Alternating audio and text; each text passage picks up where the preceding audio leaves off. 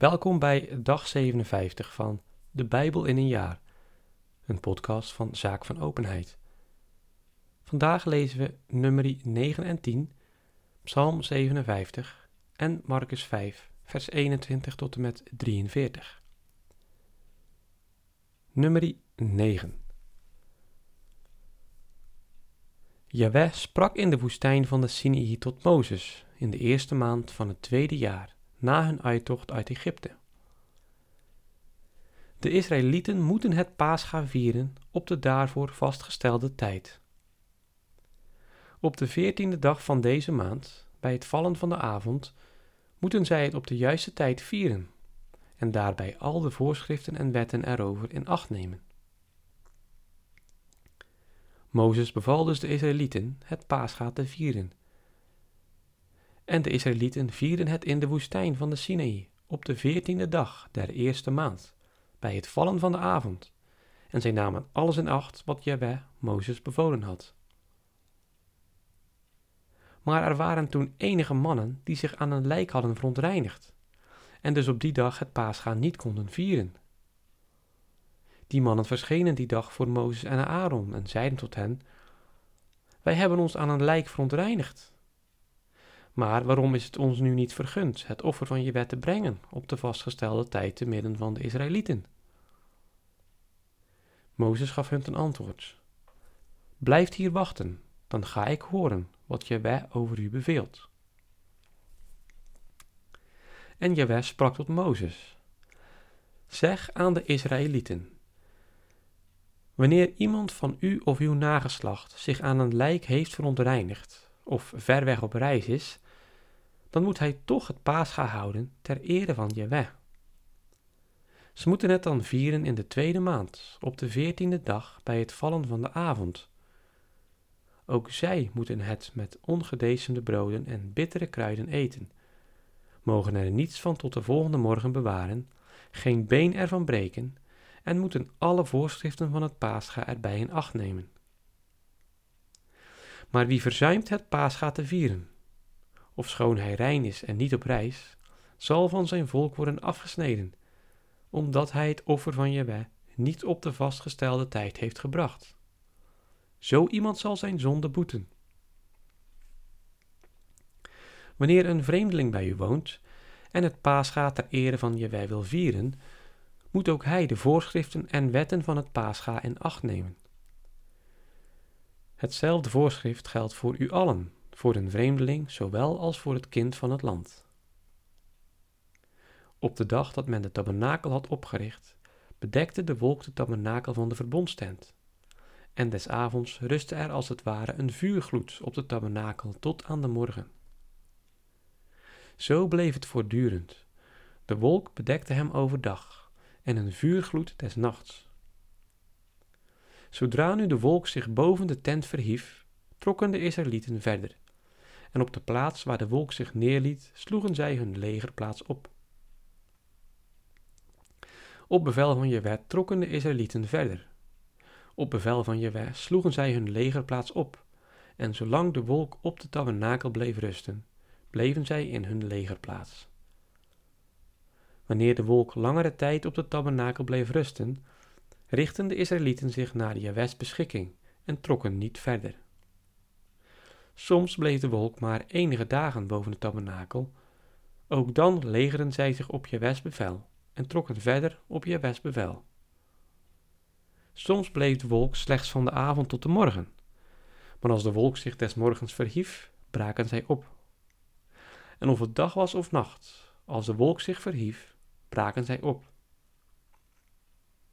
En of de wolk twee dagen, of een maand of nog langer op de tabernakel bleef rusten, zolang zij daarop bleef rusten, bleven de Israëlieten gelegerd en braken niet op.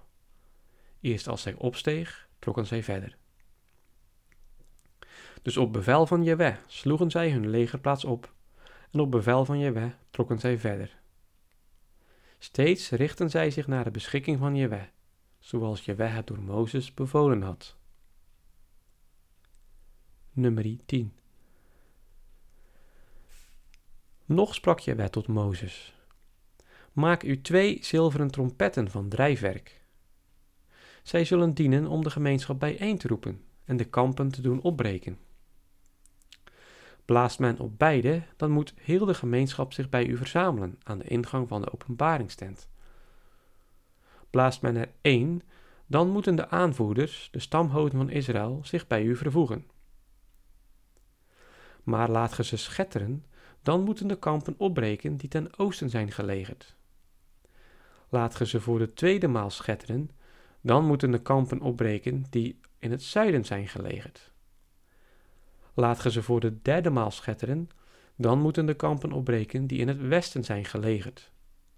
En laat ge ze voor de vierde maal schetteren, dan moeten de kampen opbreken die in het noorden zijn gelegerd. Het schetteren is dus een teken om op te breken, om de gemeente bijeen te roepen, moet geblazen, maar niet toeteren, maar niet schetteren. De zonen van Aaron, de priesters, moeten op de trompetten blazen. Dit is een eeuwige wet van geslacht tot geslacht. En wanneer gij in uw land ten strijde trekt tegen een vijand die u belaagt, dan moet ge op de trompetten schetteren. Zo zult ge bij je uw gods in herinnering worden gebracht en van uw vijanden worden verlost. Ook op uw vreugdedagen en feesten en op de eerste dag van uw maanden moet ge bij uw brand- en uw vredeoffers op de trompetten blazen. Zo zullen zij u bij uw God in herinnering brengen. Ik ben Jewe, uw God. In het tweede jaar, in de tweede maand, op de twintigste dag van de maand, verhief zich de wolk boven de verbondstabernakel. Toen braken de Israëlieten op en trokken van halte tot halte uit de woestijn van de Sinaï weg. Eerst in de woestijn Paran bleef de wolk rusten. Dit was de eerste keer dat zij optrokken volgens Jahwes bevel, dat hun door Mozes was meegedeeld. Het eerst trok de banier van het leger der Judeërs op, naar hun afdelingen ingedeeld. Over hun eigen afdeling stond Naason, de zoon van Abinadab. Over de afdeling van de stam der Issacharieten stond Netanel, de zoon van Suar. Over de afdeling van de stam der Zabunieten stond Eliab, de zoon van Gelon. Dan werd de tabernakel neergehaald en braken de zonen van Gershon en Merari op, die de tabernakel moesten dragen. Daarna trok de banier van het leger der Rubenieten op, naar hun afdelingen ingedeeld. Over hun eigen afdeling stond Elisur, de zoon van Shedeur. Over de afdeling van de stam der Simeonieten stond Shelumiel, de zoon van Surishadai. Over de afdeling van de stam der Gadieten stond Eljasaf, de zoon van Deuel. Dan braken de zonen van Kehat op, die de heilige zaken moesten dragen. Als zij ergens aankwamen, had men de tabernakel weer opgericht. Vervolgens trok de manier van het leger der Ephraimieten op, naar hun afdelingen ingedeeld. Over hun eigen afdeling stond Elishama, de zoon van Amihud. Over de afdeling van de stam der Manassieten stond Gamliel, de zoon van Pedasur. Over de afdeling van de stam der Benjamieten stond Abidan, de zoon van Gidoni.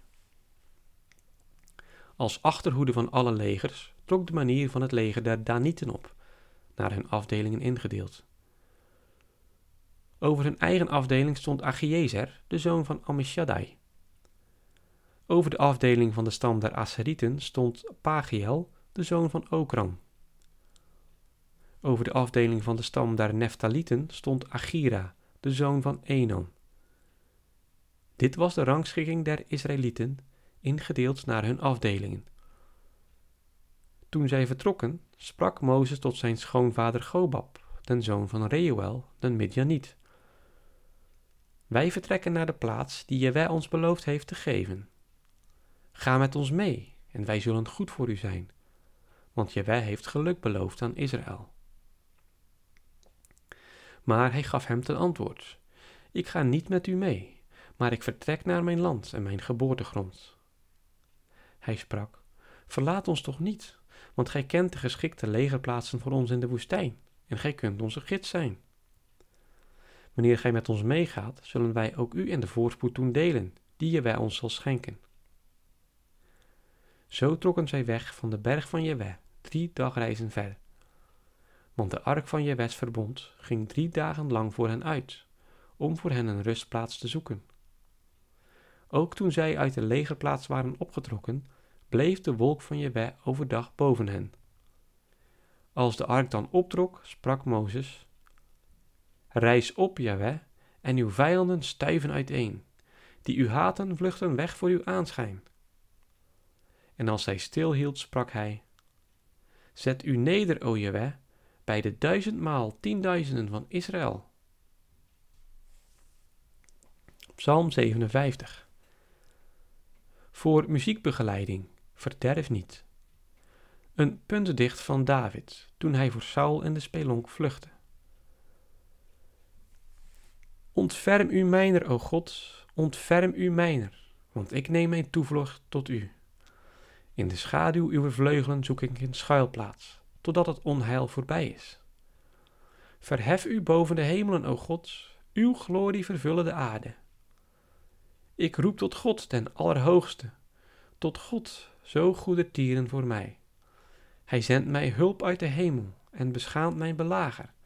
God zendt mij zijn liefde en trouw. Verhef u boven de hemelen, o God, uw glorie vervullen de aarde. Zo leg ik mij neer, te midden van leeuwen, van mensen met vlammende ogen, wier tanden spitsen en pijlen zijn. Scherp is hun tong als een zwaard. Verhef u boven de hemelen, o God, uw glorie vervullen de aarde. Ze spanden een net voor mijn voeten, maar hun eigen voet werd erin verstrikt. Ze groeven mij kuilen, zelf vielen zij erin. Verhef u boven de hemelen, o God, uw glorie vervullen de aarde. Mijn hart is gerust, o mijn God, mijn hart is gerust.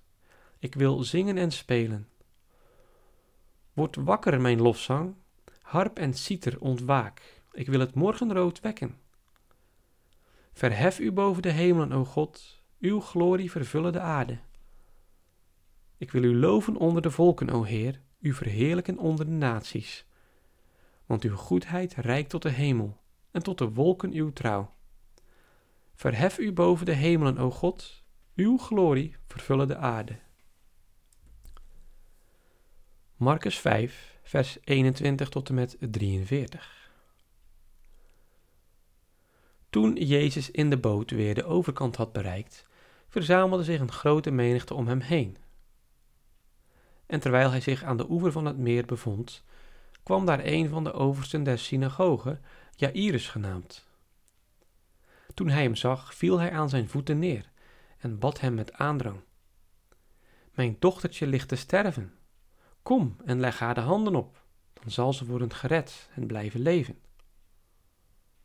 Hij ging met hem mee. Een grote menigte volgde hem en drong tegen hem op. Nu was daar een vrouw die twaalf jaren lang aan bloedvloeiing leed. Veel had ze van verschillende geneesheren moeten verduren. Al wat ze bezat had ze ten koste gelegd, maar heel geen baat gevonden. Ze was eer nog erger geworden. Daar ze van Jezus had gehoord, trad ze onder de menigte achter hem aan en raakte zijn kleed aan. Want ze dacht, als ik alleen maar zijn kleren aanraak, zal ik genezen. En terstond droogde haar bloedvloeiing op en gevoelde ze aan haar lichaam dat ze van haar kwaal was genezen. Jezus was zich bewust van de kracht die er van hem was uitgegaan. Aanstonds keerde hij zich onder de menigte om en sprak: Wie heeft mijn kleren aangeraakt? Zijn leerlingen zeiden tot hem: Gij ziet dat de menigte op u aandringt en gij vraagt: Wie heeft mij aangeraakt? Maar hij keek rond om te zien wie het gedaan had. Angstig en bevend kwam de vrouw naderbij, daar ze wist wat er met haar was gebeurd. Ze viel voor hem neer en zeide hem de volle waarheid. Maar hij sprak tot haar: Dochter, uw geloof heeft u gered. Ga in vrede en wees genezen van uw kwaal. Terwijl hij nog sprak, kwamen er lieden van den overste der synagoge en zeiden: Uw dochter is gestorven. Waarom de meester nog lastig vallen? Jezus hoorde wat er gezegd werd en sprak tot een overste: Vrees niet, maar geloof.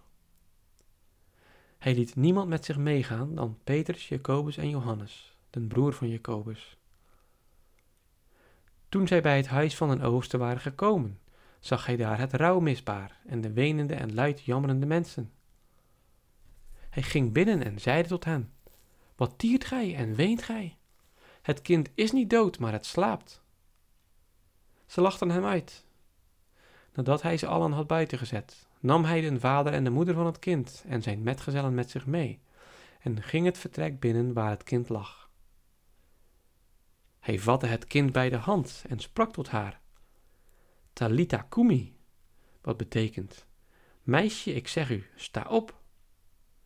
Onmiddellijk stond het meisje op en liep heen en weer, want het was twaalf jaar oud. En ze stonden verstomd van verbazing. Maar hij gebood hem ten strengste het niemand te laten weten. Ook zeide hij nog dat men haar te eten zou geven. Tot zover het woord van God. Deo gratias.